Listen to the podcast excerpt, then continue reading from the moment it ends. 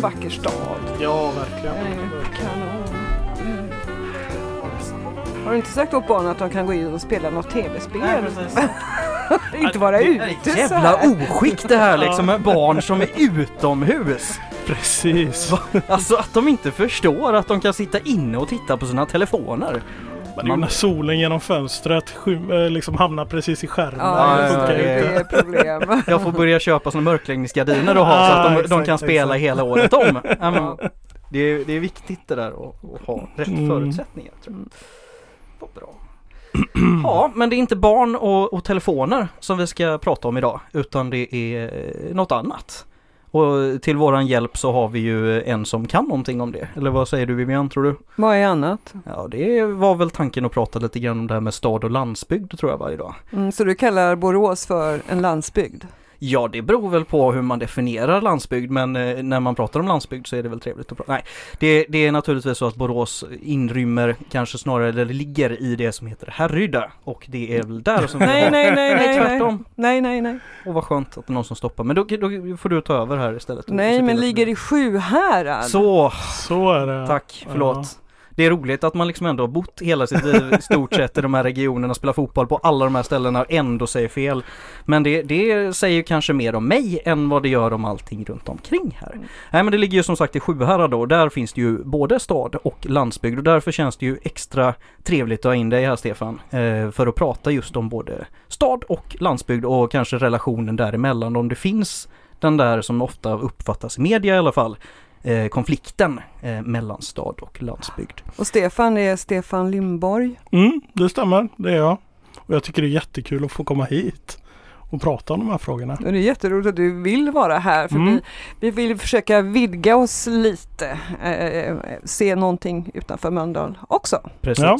Och det, det är ju skönt, för, första gången så gick vi ju hela vägen till Göteborg. Ja. Eh, fruktansvärt långt och nu, nu vågar vi oss ytterligare lite längre hela vägen till Borås Ja. och eh, inte Härryda då utan Mm. Sjuhärad. Om Vyerna vidgas och vidgas. Ja. Ja precis, Nej, men du får berätta lite grann hur ni alltså, politiskt har det i Borås. Men jag och min sambo hade inte varit i Borås på jag vet inte hur många år. Och så sa vi det, nej men vi tar en jättefin eh, sensommardag var det i, eller höstas egentligen. Alltså jag upptäckte att Borås var en helt annan stad Mm, mm. än vad jag mindes. Har Borås vuxit på ett bra sätt skulle du säga? Jo, men det tycker jag och det tror jag att att eh, vi, vi känner generellt i Borås också.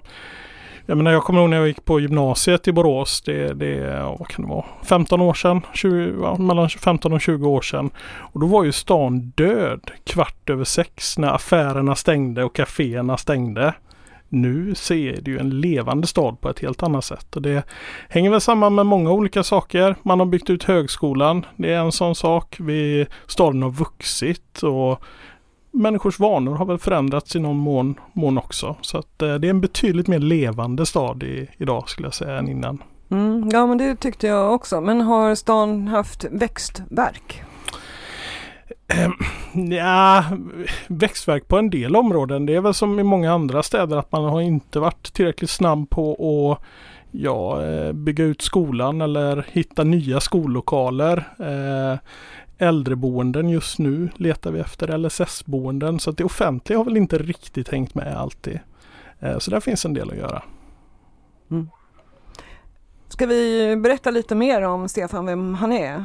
Det- Eh, det känns väl- det bakgrunden känns väl på sin lite plats. Det, Så. jag, jag tycker ju det här familjära där man inte behöver presentera folk och liksom så här, det, det är ju härligt. Men precis som du är inne på nu Vivian, det är ju mycket vettigare faktiskt att ha med så att folk får säga vad, vad de är för denna människor som, som är här. Vad, vad är du för en människa egentligen Stefan? Ja du, det vaknar man varje morgon och funderar på. Nej då, så är det inte. Jag, eh, ja, Stefan Lindborg heter jag, bor i Dalsjöfors utanför Borås. Eh, gruppledare för Vänsterpartiet i Borås. Eh, jobbar på Hyresgästföreningen. Tvåbarnspappa. Ja, det, det är många olika identiteter på en och samma gång. Ja. Mm. Du jobbar som, som förhandlare på Hyresgästföreningen? Som förhandlare ja, Mm. exakt. Och så jobbar jag lite med våran ekonomiska analys också. Eh, jag är ekonom och statistiker i grund och botten. Så jag är en sån som alla vill sitta jämte på middagar och fester. Och, Det är En riktigt navet rolig person. helt enkelt. Ja men det är, jag hör det. Sen är det ju lite intressant just det här med att du, du eh, i, jobbar inom Hyresgästföreningen för det är ju en koppling mellan Vänsterpartiet och Hyresgästföreningen som har blivit allt mer aktuell egentligen och, och blev, blev det verkligen i, i frågan med marknadshyror och så. Mm, mm. Upplever du att liksom det har varit en generell trend inom Hyresgästföreningen när man har närmat sig Vänsterpartiet? För det har ju varit ett ytterligare i princip som, som de flesta fackförbund och så en, en rörelse som har varit nära socialdemokratin innan. Ja, men trend är alltid svårt att, att, att, tala om. Däremot så vet jag ju att jag har många kollegor som är, är vänsterpartister. Det är man på partisammanhang träffar man många kollegor och i jobbsammanhang träffar man många partikamrater. Så är mm. det ju. Det, det känns givetvis positivt. Tror du att det är en trend som kommer hålla i sig nu liksom med den, den högervridningen som har varit utav den svenska politiken eller? Men jag kan väl känna själv, nu, nu vill inte jag blanda samman mina partiuppdrag och jobb, jobb allt för mycket. Liksom, Hyresgästföreningen är ju en partipolitiskt obunden organisation givetvis. Men eh, det är klart att Vänsterpartiet och Hyresgästföreningen landade ju på samma ställe i frågan om marknadshyror och eh, konstigt hade det ju varit annars ur mm. båda perspektiv.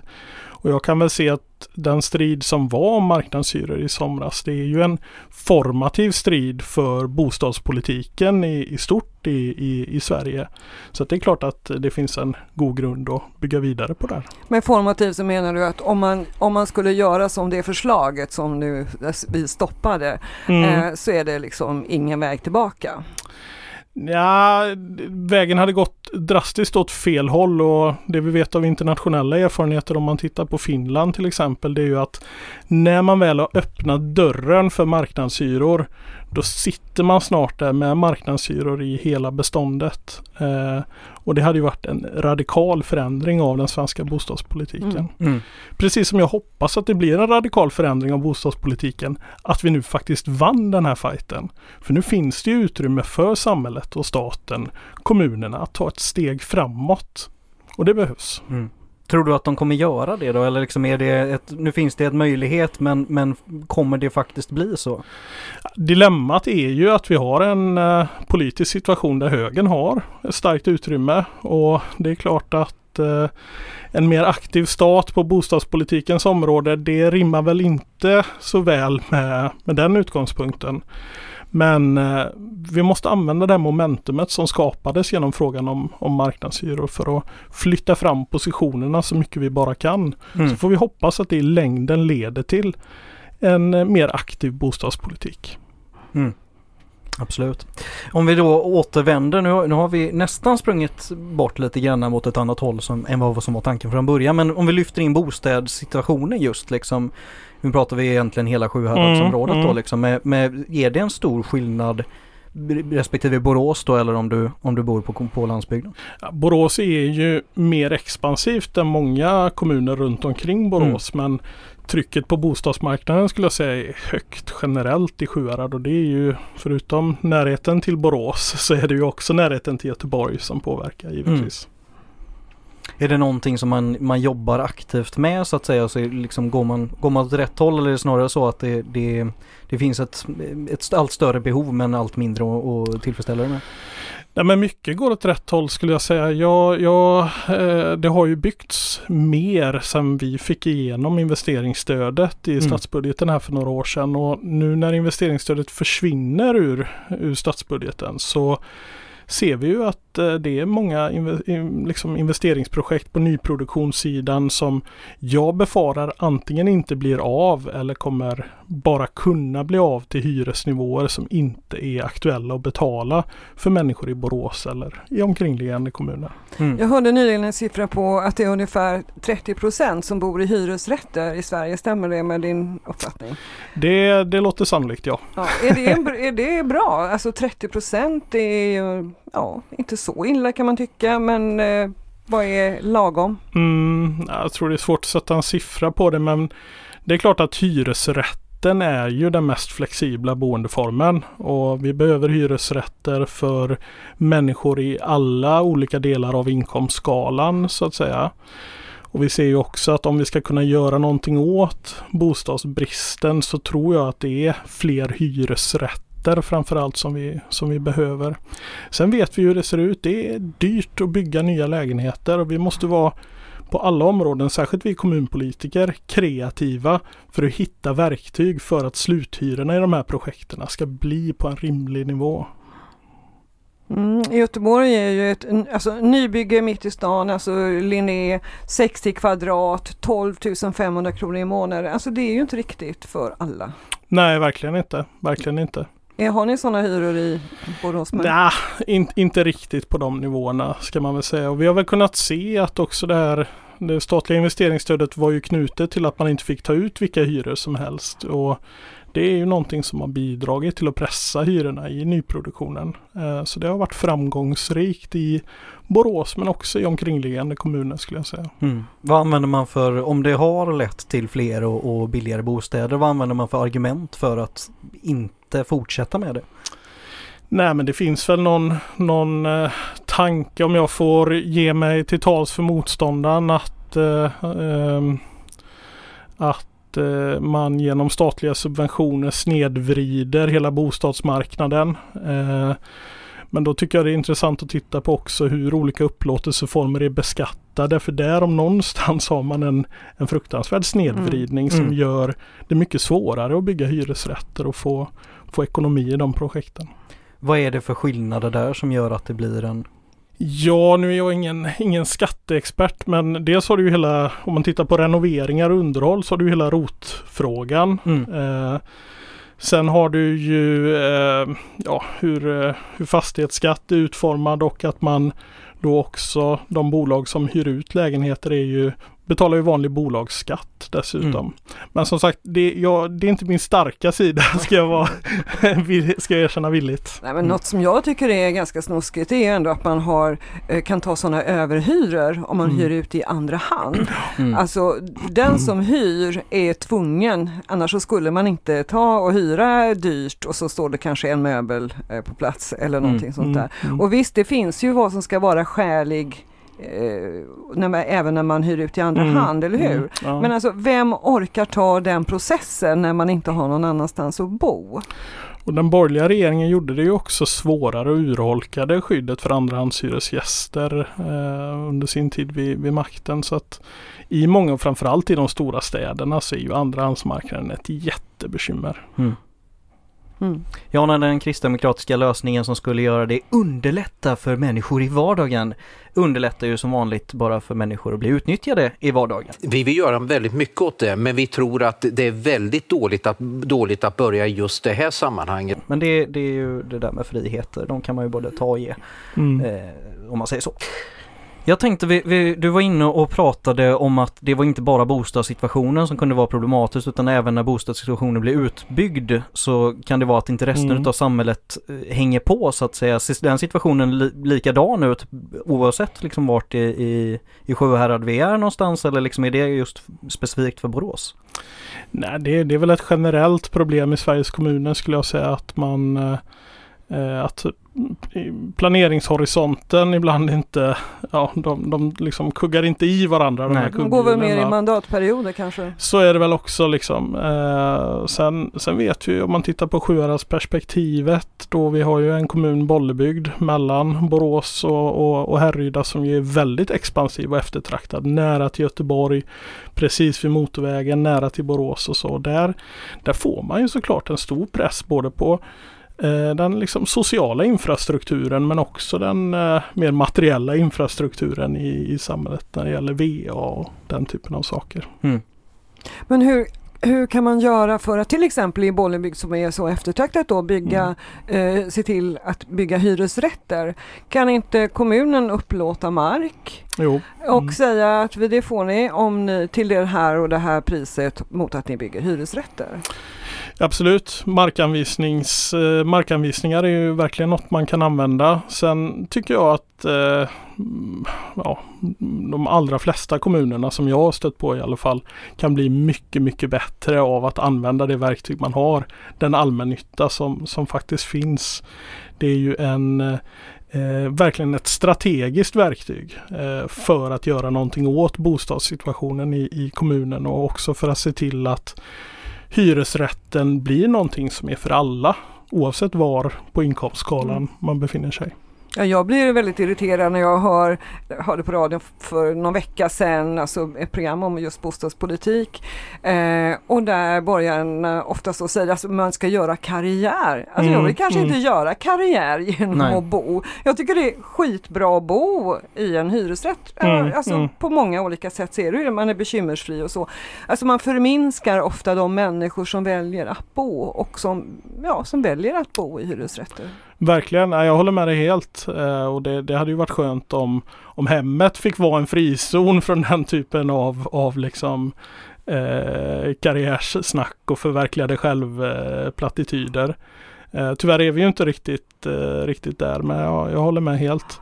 Och det finns ju en sån tendens på, på eh, bostadsmarknaden i stort att man beskriver hyresrätten som ett eh, ja, men som en rastplats. Eh, här kan man stanna några år tills man kan köpa sig någonting mm. istället. Mm. Och det, då har man ju missat vad hyresrätten faktiskt är för typ av boendeform. tycker jag. Mm. Ja, ja. Helt enig. Mm.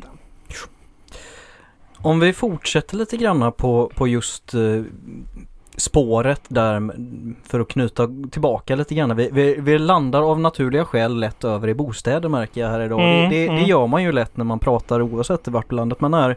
Men skulle du säga att det finns en motsättning mellan stad och landsbygd i förhållande till behov liksom?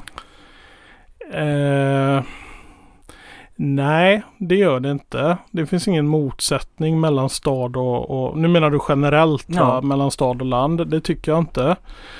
Däremot så eh, i det samhälle vi lever så eh, växer städerna på egen hand. Medan det krävs mer av aktiv politik för att landsbygden ska hänga med och växa. Och det beror ju på det ekonomiska system vi har och att eh, eh tillväxt eh, många gånger centreras till där man kan liksom realisera den och plocka mm. ut den och det är ju oftare i städerna än på landsbygden även om det kanske är där ibland som värdena skapas. Mm. Det är inte bara så, tror du, att vi gärna vill bo tätt och knö med annat folk? Jo men det tror jag vi vill också, många av oss. Eh, inte alla. Eh, många vill ju tvärtom bo utan att knö. Och, då, och det, det, är ju just därför kanske det är så viktigt att man kan bo både i staden och, och utanför staden och ändå leva ett gott liv. Mm. Sen är det väl också just det där med som vi har varit inne och, och eh, vandrat det nu ett par gånger att, att man, får, man flyttar ju ofta till städerna, inte bara för att knö men också för att man ska få en helhet och få en tillgång till någonting som man kanske inte får på landsbygden. Eh, en sån fråga om apotek till exempel och, och sen privatiseringen har vi ju sett hur, hur allt fler apotek på landsbygden blir nedlagda. Och istället så ploppar det upp som svampar tio apotek på samma gata i innerstan liksom. Vad, vad är lösningen så att säga för att, för att få ett fungerande Sverige i, i hela Sverige om man säger så? det är väl, vi har ju under allt för lång tid egentligen lämnat väldigt mycket av det som är samhällsutveckling till marknaden att, att hantera. Jag tror inte att det fungerar så utan om man vill ha en samhällsutveckling som är jämlikt fördelad om, om man uttrycker sig på det sättet. Nej men då krävs det politik. Eh, marknaden kommer inte se till att Sverige växer i, i samma takt överallt utan om vi vill eh, att eh, stora delar av landsbygden ska, ska växa, ja men då krävs det också att vi fattar de politiska besluten som eh, leder till att vi eh, allokerar resurser dit. Mm. När vi pratar om landsbygd så kommer jag ju osökt att tänka på att man kanske inte har lika utbyggd kollektivtrafik mm. eh, som vi har i de större städerna. Nej. Och då blir det bensin och dieselpriset aktuellt. Mm, mm. Eh, visst, eh, det har gått upp jättemycket.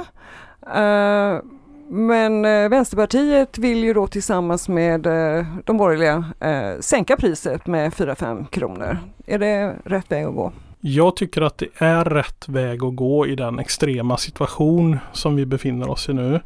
Det man har kommit överens om det är ju en tre månaders eh sänkt eh, energiskatt om EU tillåter det. Man ska ju föra diskussioner med EU om det. Mm.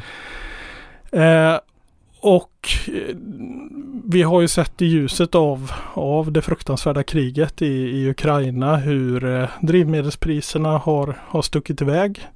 Och jag tycker det är viktigt att vi som ju är ett socialistiskt parti också kan skydda människor från eh, de här eh, marknadssvängningarna som eh, är helt omöjliga att förutse för vanligt folk.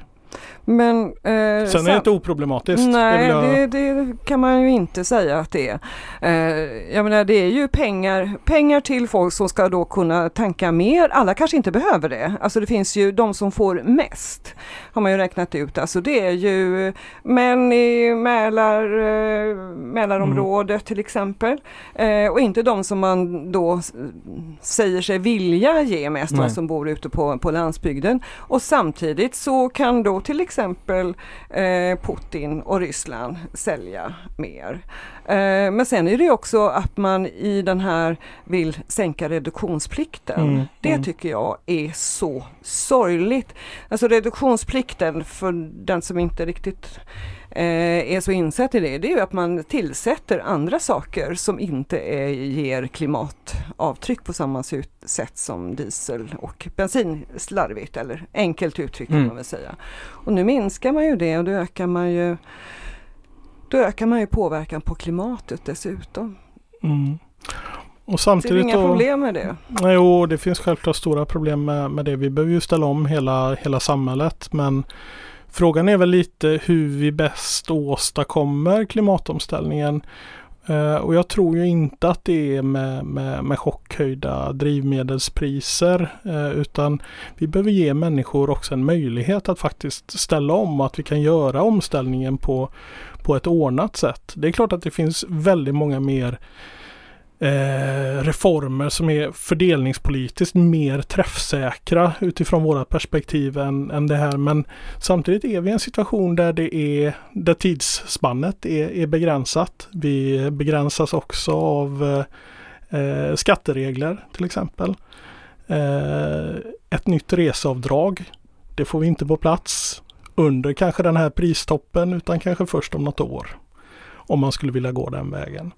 Så att verktygslådan är ju lite begränsad kring vad man kan göra här och nu också. Mm. Mm. Men det är inte lite, alltså för mig är det här, de här el, elsubventionerna som äh, man kommer att få också mm. nu, som ju beslutades tidigare. Och att man sänker Eh, bensin och dieselpriser så. Liksom, det är generellt, det är, alltså barnbidrag har vi alltid sagt måste vara generellt för att det liksom gör att vi alla vill vara med och betala skatt. Man förstår vad man får för pengarna som han sa. Mm, mm. Eh, men det här är ju pytsa ut pengar. Det, det, känns för mig som att det, alltså, det är ett nytt sätt att möta höjda priser som ju dessutom har gått ner sen sen man beslutade det. Och det har ju ingenting med vad man vill göra. Nej, det har det ju med har oljepolitik och världsmarknad ja. mm. att göra. Mm. Nej men det, jag, jag kan väl tycka så här att om man tar elstödet då som, som regeringen kommer så är det ju tur i alla fall att man har lagt ett tak på, på 2000 eh, kilowattimmar i, i, i månaden för att annars hade det ju träffsäkerheten varit eh, helt orimlig mm. givetvis. Ja. Sen är det ju liksom eh, Tittar man på energiskatten, det är ju en punktskatt. Um, och det är klart att uh, de är ju alltid enhetliga. Um, uh, det är momsen på mat också. Du betalar mm. samma moms på mat oavsett vad, vad du tjänar. Uh, och det är klart att skulle man, för att ta det gamla VPK-kravet, ta bort momsen på mat. Så det är klart att de med tjockast plånböcker hade, hade gynnats av det fördelningsmässigt också eftersom man sannolikt köper mer och dyrare mat än vanligt folk. Mm. Men för vanligt folk hade de pengarna kunnat vara betydligt viktigare mm. ändå. Så jag tycker det är, det är en svår balansgång. Ja, jag kan bara tycka att det här är en brandkårsutryckning för mm. att man inte vill ha ett bensinuppror eller dieseluppror. Jag, jag förstår det. Kan också och vara för att, man, att det är valår och, och Ja, det annat. kan det man ju också tänka sig att det är. Men jag menar, de, det, det, finns ju också andra sätt man skulle kunna göra det. Man skulle kunna halvera taxan på eh, kommunal trafik till exempel, där den finns. Eh, alltså det finns många som skulle, tycker jag, då vara mycket mera träffsäkert. Mm. Men, eh, ja, men frågan är ju för att hoppa tillbaka till stad och land, även om vi skulle då, jag tycker det, det är väl jättebra om vi kan halvera priset på, i, i kollektivtrafiken. Eh, men skulle det hjälpa dem som verkligen behöver bilen och verkligen behöver åka långt till sitt arbete? Till Nej, exempel? men är, samtidigt så kan man ju göra annat för det som är glesbygd eller inte mm. är så tätt mm. utbyggt. Men ja, det här blir ju snabba grejer som eh, mm. är mycket mm. pengar som går ut till många som inte behöver dem. Det var mest det, att man skulle kunna mm. använda samma pengar till andra grejer. Men då kanske det tar lite längre tid. För det finns ju också problem med om man ska göra saker bara för de som bor där och där och där. För mm. var går gränsen? Mm. Jag bor 200 meter därifrån, oj då. Hur går, alltså det är problematiskt men mm. ja, Mm, mm. en ut. fråga som, som jag tycker kanske saknas lite grann i den här debatten det, det är just det här att antingen så är det bra med bensinskatt eller, eller dåligt med bensinskatt eller det är bra med med ersättning eller dåligt med ersättning som ligger på två. Men kanske en, en del av grundproblematiken har vi varit inne och pratat om indirekt flera gånger och det är ju just att, att vi missgynnar, eller vi, vi både gynnar och missgynnar människor rakt av, egentligen oberoende av vart de bor någonstans eller vem de är liksom och vad de har för inkomster i övrigt. Skulle man kunna ha progressiva drivmedels och energiskatter som tog det lite mer i beaktning. Eller för den delen livsmedelskostnader då. Mm, mm. Skulle man kunna få till ett sådant system? Men då, men då skulle ju någon som bor i, i Norrlands inland kunna få jättehög skatt för de kör mycket, eller hur tänkte du? Nej, jag tänker precis tvärtom. Att ja. om, om du inte har ett alternativ, alltså att du har fungerande kollektivtrafik eller så vidare, då har du ett lägre bensin, en lägre bensinskatt än någon som bor innerstan Göteborg och har mm. alla möjligheter i världen att istället ta spårvagnen. Eller för den delen färjan ut till öarna.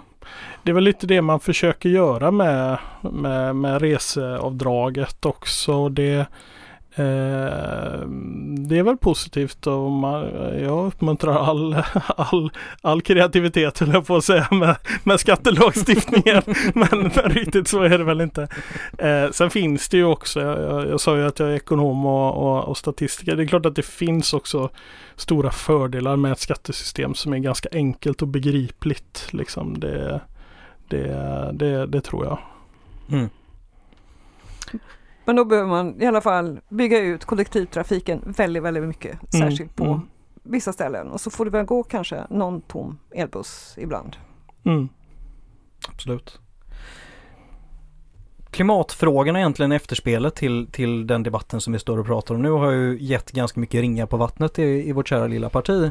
Eh, och också satt lite granna tummen mitt i vem det egentligen är som bestämmer i Vänsterpartiet och, och vem som är en del utav eh, vart partierna har sin stora tyngd helt enkelt.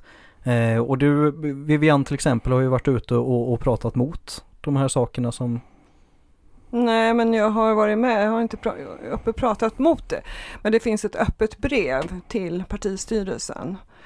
Eh, jag vet inte om de har fått det nu som eh, två riksdagsledamöter och lite annat folk i Vänsterpartiet som vi är oroliga över den väg som vi tycker att partiet går när mm. det gäller klimat och miljöpolitik. Men för att göra då hela, hela varvet på min inledande fråga som egentligen blev med ett eh, uttalande.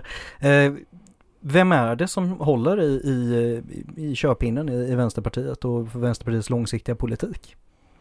Det är vi tre här inne. Ja. Och då menar jag inte specifikt vi tre utan det är ju Alltså om man tittar på, på det rent organisationstekniskt va, så är det ju medlemmarna i förlängningen och då genom de representanter som medlemmarna väljer. Sen kan man ju alltid ha en diskussion om var olika beslut ska, ska fattas och, och, och, och sådär. Men jag tycker vi, vi, vi har precis haft en, en partikongress där vi har pratat om eh, miljö och klimatfrågor. Det stod ju verkligen i centrum av kongressdebatten mm. får, vi, får vi konstatera på, på ett annat sätt än vad jag någons, eh, har varit med om tidigare. Liksom. Eh, vi har en valplattform där vi också sätter miljö och klimatfrågorna i centrum. Det vi inte riktigt är överens om, tror jag, det är ju hur och på vilket sätt vi ska attackera klimat, inte attackera klimatomställningen, men hantera klimatomställningen, attackera klimatproblemen. Eh, och vilken roll partiet ska ha i det. Vad, vad är vår roll jämfört med andras roll? Mm. Eh, och det tycker jag i grund och botten är en väldigt intressant diskussion att, att föra. Men jag tycker att den, den diskussionen har känns som att den har poppat upp eller jäst i partiet nu, inte så mycket för bara några år sedan. Då var det Mm. mera självklart, alltså det har aldrig varit självklart för det, alltid, det kostar ju någonting någonstans att ställa om någonting. Så så självklart har det inte varit. Och alla är inte överens. Och Jens Holm har fått spö tidigare med eh, köttskatt och sådana grejer. Men alltså det har ändå varit lite, nu känns det som att klimat och miljöfrågorna är borta från den yttersta partiledningens dagordning. Mm. Och det är klart att nu har vi ju, vi har haft en pandemi, alltså saker och ting har sett väldigt annorlunda ut. Eh, och när pandemin äntligen verkar liksom lugna ner sig lite här, då får vi krig i Ukraina. Mm. Alltså vi har ju inte, vi sätter ju inte helt och hållet själva dagordningen heller. Nej. Så, så det, det fattar jag med, men man måste ju ändå också Mm. Med. ja, jag, jag, jag förstår hur du menar Vivi. Samtidigt så, så, så, så tycker jag ju ändå att, jag menar, har vi haft någon valrörelse där klimat och miljöfrågan har varit lika framträdande som den kommer att vara i, Mm. i den här valrörelsen att döma av valplattformen? Jag tror inte det. Jag, jag har inte den känslan i vart fall. Mm. För att inte fastna i, i en diskussion om vi, om vi är mer klimat nu än vad vi var Mm, tidigare så tänker jag just på, nu, nu var vi inne på, på Ukraina igen och, och- just den frågan och om vi skulle ställa oss bakom att skicka vapen till Ukraina är, är kanske ännu tydligare en fråga för det finns det ju verkligen ett, ett av eller ett på och inte Mm. så mycket bedömning i. Men där har vi ju en, eh, ett, ett eh, Nej men där har vi ju verkligen ett partiprogram som säger en sak och nu har vi en partistyrelse som har fattat ett, ett beslut som går tvärs emot det. Även om det, man kan driva linjen att det finns en stor, eh, en stor enighet, eller enighet är kanske dumt, men det finns en, det finns en stor eh, grupp inom Vänsterpartiet som, som vill göra det här. Men- Men, är det kanske en bättre fråga liksom? Men håller du med om den beskrivningen som Per gav? Eh, nej, det hade varit alldeles för enkelt då. Eh, nej, men eh, nej, jo, jag, jag håller väl med och jag förstår vad, vad du menar Per. Ehm, jag, jag, jag tycker så här att för mig handlar vapenexport, det handlar om när vi säljer vapen till, till andra. Eh, det finns en utbytesrelation. Jag ser på pansarskotten som, till Ukraina som en fråga om, om ja, vapenbistånd eller om man vill leka med orden. Liksom. En, en solidaritetshandling i, i, i grund och botten. Och jag tycker ju att det är principiellt viktigt att också små länder kan försvara sig och vi som ett annat litet land har ett, eh, ett intresse av att stormakter inte kan bete sig hur som helst utan stormakter behöver förhålla sig till folkrätten, inte gå in i andra länder. Oavsett om de heter Ryssland eller, eller USA. Eh, Så att eh, jag delar väl inte den beskrivningen riktigt utan jag, jag tycker det var ett klokt ställningstagande till slut. Det verkte ju fram med några Mm. mötes mellanrum med några dagar bara. Nej, jag kan nog tycka det också. Alltså det här är ju inte till för, det är ju inte en export eller överlämnande av vapen till någon som är för ett anfallskrig. Utan det är ju någon som ska försvara sig. Alltså, vi, kan ju, vi är ju inte ett pacifistiskt parti Mm. i den meningen.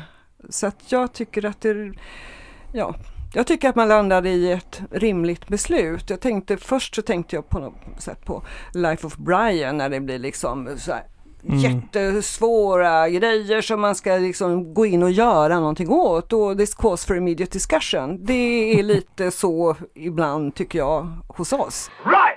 This calls for immediate discussion. What? Immediate. Right. New motion. Completely new motion. Uh, that. Uh, that there be uh, immediate action. Uh, once the vote has been taken. Well, obviously, once the vote's been taken, you can't act on a resolution till you've voted. Eh, nu blev det ju en, en discussion, men en, eh, en gång till. Mm. Och, och det var väl säkert nödvändigt och bra också för att det ska ju inte vara lätta beslut. Det här ska ju inte vara ett Nej. lätt beslut utan ska ju ha Jag kanske hårdrog den här Mm, eh, mm, lite mm. väl, lite väl och det, det köper jag för att jag vill få fram en, en, en debatt och en, en tanke om det. Eh, utan att egentligen eh, ha någon egen punkt som jag väldigt hårt driver utöver tanken Mm, att mm. mer vapen i en väpnad konflikt sällan är en, en god idé.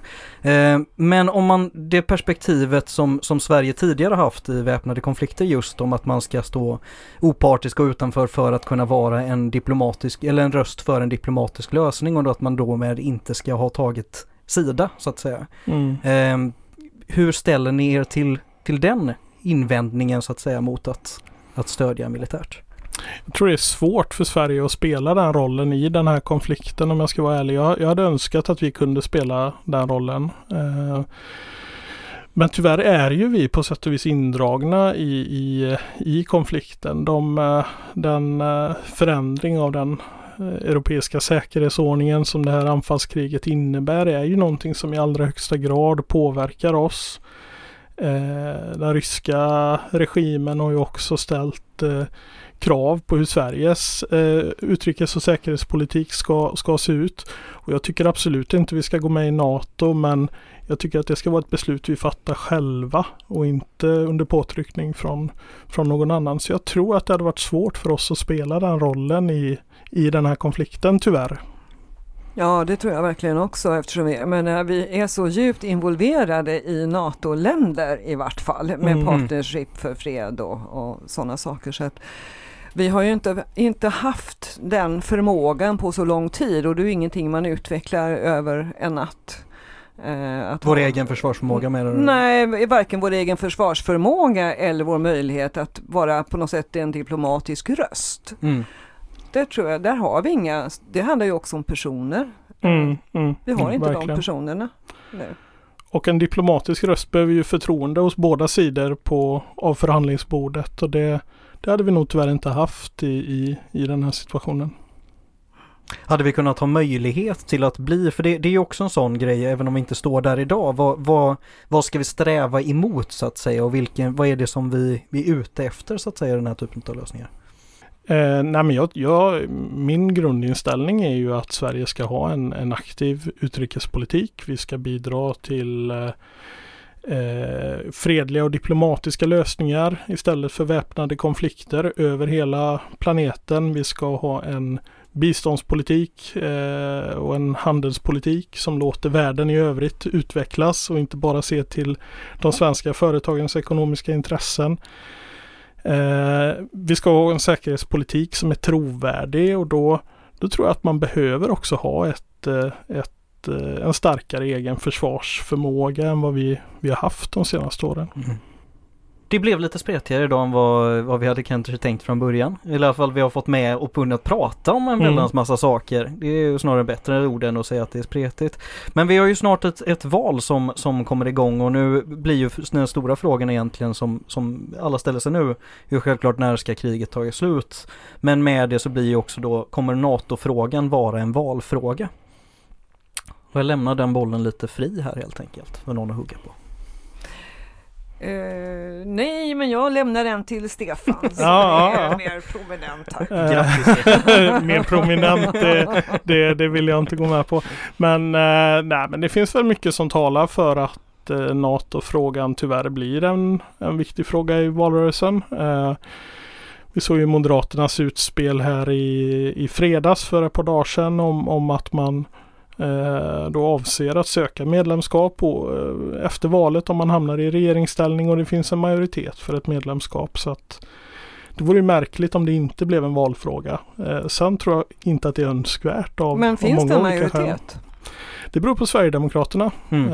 Eh, och det är ju Ja det, det kan ju vara en majoritet en dag, en annan majoritet en annan dag. är Mm. min känsla. Just nu finns det väl ingen majoritet. nej. Men alltså, Men det sker ju en rörelse hos eh, Precis, Sverigedemokraterna åt det ja. hållet. Ehm, och det är ju, alltså vissa frågor kan man inte riktigt rå på. De lever av sig själva också. Mm. Om kriget eh, fortgår så, så kommer nog NATO-frågan att komma, även om inget av partierna har det i sina dokument vad man vill ha för valfrågor. mm. Så verkligheten kommer ju ibland ikapp. Där har man inte så mycket att, att liksom göra. Man måste ju svara på de, de viktiga frågorna som är. Så då Mm. tänker jag att det, det kan nog bli så. Jag tycker att det vore väldigt olyckligt att Mm. sätta NATO-frågan så i fokus. För att jag tillhör väl någon som i- alla fall tyckte att jag hörde Magdalena Andersson säga någonting alltså rätt förnuftigt, det som hon har Mm. fått så mycket skäll för. Att vi, vi tänker inte ansöka om medlemskap i NATO och det vore verkligen inte nu. Eh, och jag håller just nu på att läsa Henrik Berggrens trilogi om Mm. eh, landet utanför. Mm. Och jag ser så mycket, alltså det är sådana vansinniga paralleller till uppbyggnad och sånt som man ju oftast bara ser i backspegeln och här är det liksom eh, är det, 70 år sedan, 75 år sedan i backspegeln till det som händer Mm. idag. Ehm, nej men det är olyckligt, de, den typen av frågor blir, alltså det blir lätt liksom för och emot på Mm, ett lite obalanserat sätt, alltså Mm. lite lättvindigt kan jag Ja, Margot Wallström var ju inne på det för i alla fall. steg, eller precis på det, på det spåret här nu i, hon gjorde ju en längre intervju i ETC. Mm. Eh, där hon just var inne på att vi, nu, det är väldigt, väldigt mycket känslor och väldigt lite fakta i NATO-diskussionen just som det är nu och det, det är ju logiskt med tanke på att det är brinnande skarpt läge. Eh, men sa- samtidigt, det är kanske inte då man fattar sina absolut bästa eh, beslut och framförallt beslut som kommer ha en långsiktigt väldigt stor effekt, inte minst på den svenska utrikespolitiken som vi har pratat om nu. Kommer det, även om kriget fortsätter och vi får ju verkligen hoppas att det inte gör det, men om vi ponerar att det gör det och vi har den här frågan i valrörelsen, kommer vi att kunna ha en mer nykter och nyanserad diskussion eller kommer det fortsätta vara känsloargument och, och Putin-kramare på den ena kanten och, och, och USA-kramare på den andra? Tyvärr bjuder väl valrörelser sällan in till den typen av, av lite mer nyanserade samtal. Eh, det är väl min, min känsla.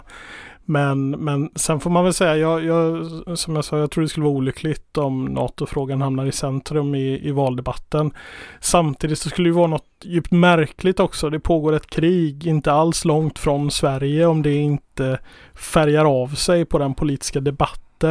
Vi vet ju att många människor här i Sverige också är, går och är oroliga och rädda för det säkerhetspolitiska läget. Så att det finns väl en logik i att eh, den typen av frågor väcks och debatteras i, i det läge som vi befinner oss i. Jo, jag tycker också att det är rimligt att man diskuterar, Mm. men då är jag ju också så rädd för just den här onyanserade, Mm. känslomässiga. Att liksom, eh, men jag tänker att vi, vi får väl hålla takt med Finland Mm. och Mm. hoppas att de också eller är lite coola. Mm. Jag tycker de senaste uttalandena därifrån så har det väl tyckt på att man kanske också ska sätta sig ner och inge i båten och, och ta det lite försiktigt framåt. Sen finns det ju andra frågor som vi ser eh, som en konsekvens nu på, på, på kriget, inte minst just drivmedel som vi varit inne och pratat om tidigare men nu kommer ju även matpriser och en hel del andra priser Mm. att stiga som en konsekvens utav det här.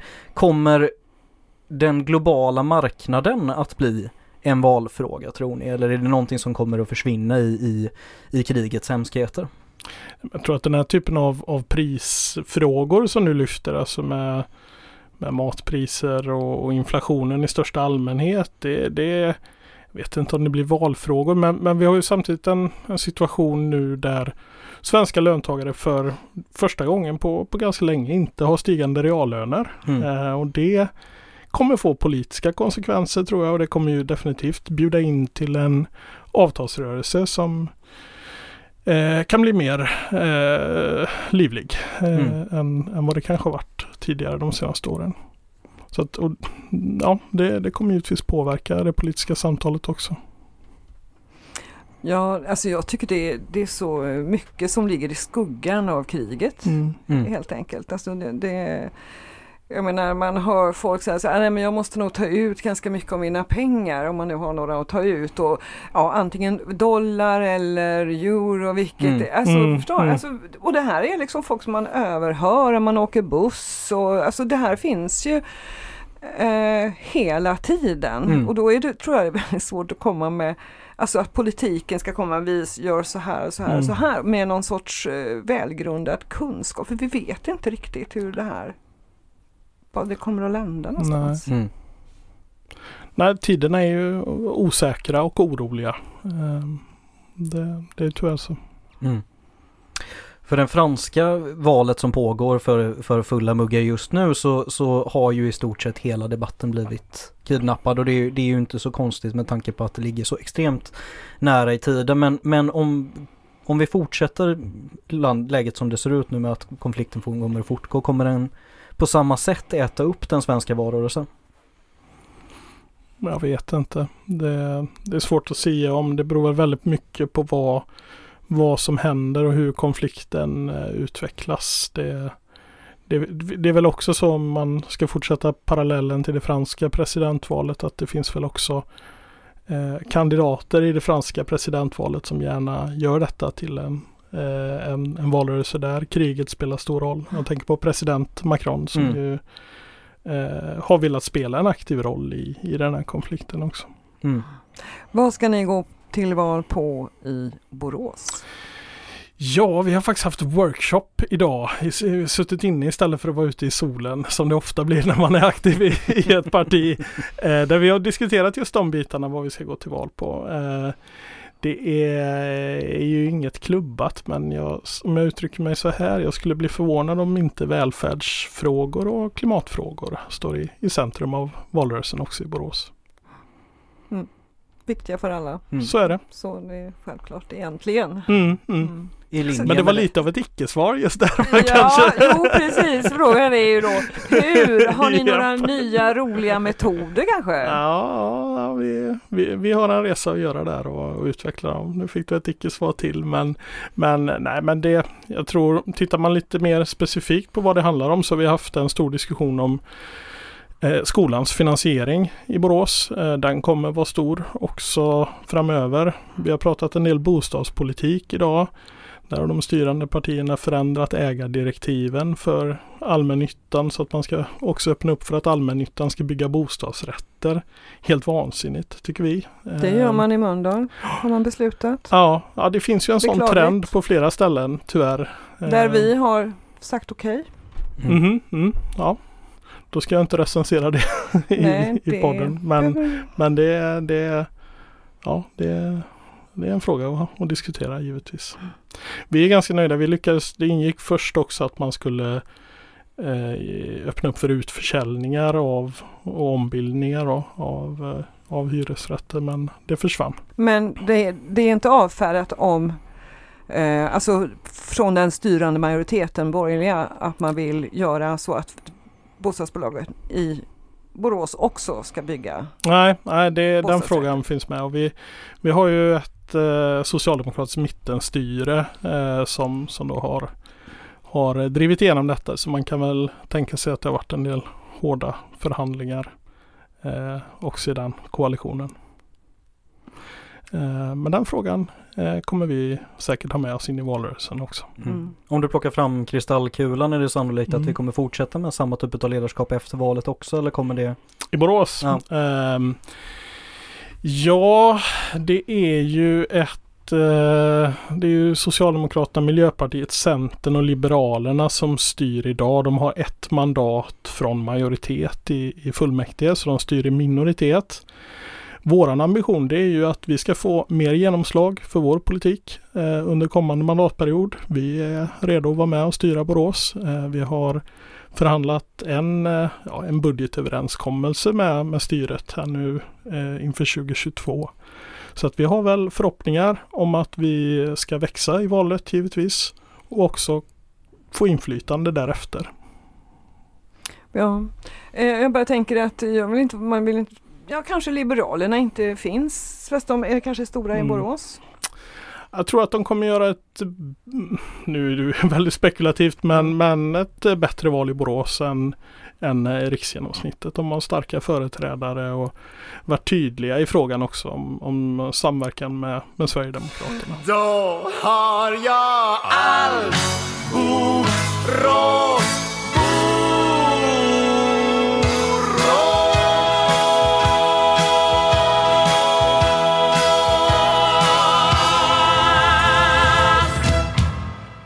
Men nu har vi stått och pratat en, en stund här och, och fått sagt eh, mycket och, och kanske inte sagt eh, mycket också. Det vet man aldrig. Det verkar Du man menar få så- icke-svaren från Stefan? Det var Men det inte var- jag som sa det, det var du. Det var en hel del svar också va? Ja, det Ja, skulle jag absolut var det. Det är bra. det. Du har inte bara stått och, val, och upprepat den här valplattformen som vi satt och sparkade in liksom och, och, och tassat runt. Utan jag tycker det, det var trevligt att ha dig här och du får gärna vända åter framöver Ja, också. detsamma, jag har haft jättetrevligt också. Det, det är alltid kul att få, få prata politik. Ja, det är, tycker jag också. Det är verkligen kul att prata politik. Man kanske inte har alla svaren själv, Nej. utan man kanske kan utvecklas i, med andra. Man, Mm. kan- man kan ju nästan hoppas att folk är så öppna att man i alla fall kan er, erkänna för sig själv på kammaren att man inte har alla, alla Mm. svaren alltid utan, utan Så kan det tänka sig att ta, ta en liten inspel. något bra. Och, och känner du som lyssnar att eh, det här var ju ett trevligt inspel i mina små örongropar så kanske det är någon annan som tycker det också och då är det ju ett väldigt trevligt sätt att, att dela detta vidare och försöka hjälpa oss att få ännu lite bättre spridning så att vi kan höras i fler öron eh, och kan få vara med. Och vill du påverka våra öron som står här så, så finns det ju numera en möjlighet för dig att skicka in ett mejl till oss på, på vänstervinklat.vänsterpartiet.se eh, Så kan du ju säga om det var bu eller bä eller allt möjligt och, och som vanligt kan du ju även göra i kommentarsfunktionerna på diverse sociala medier och poddverktyg och annat och glöm inte att sätta det här betyget för det hjälper oss jätte, jättemycket. Men sen vore det väl kul om folk kunde höra av sig och säga varför tar ni inte upp den här och den här frågan eller det här tycker jag skulle Mm. vara bra man gjorde. Ja det kan du Nu? tycka är roligt. Jag tycker det är skönare att bestämma det själv men det, det nej. Det är absolut, har man någonting som ni tycker att va- varför har ni inte pratat om det här era jäkla dummerjönsar så, så skriver man in det också. Men tack för idag kamrater. Stort tack. recept när man vill komma från. Det är att sakta paddla ner för Mölndalsån Dröja lite lyssnande till vattnets klunk Glida under pilarna vid bil produceras av Hakuna Matata Produktion.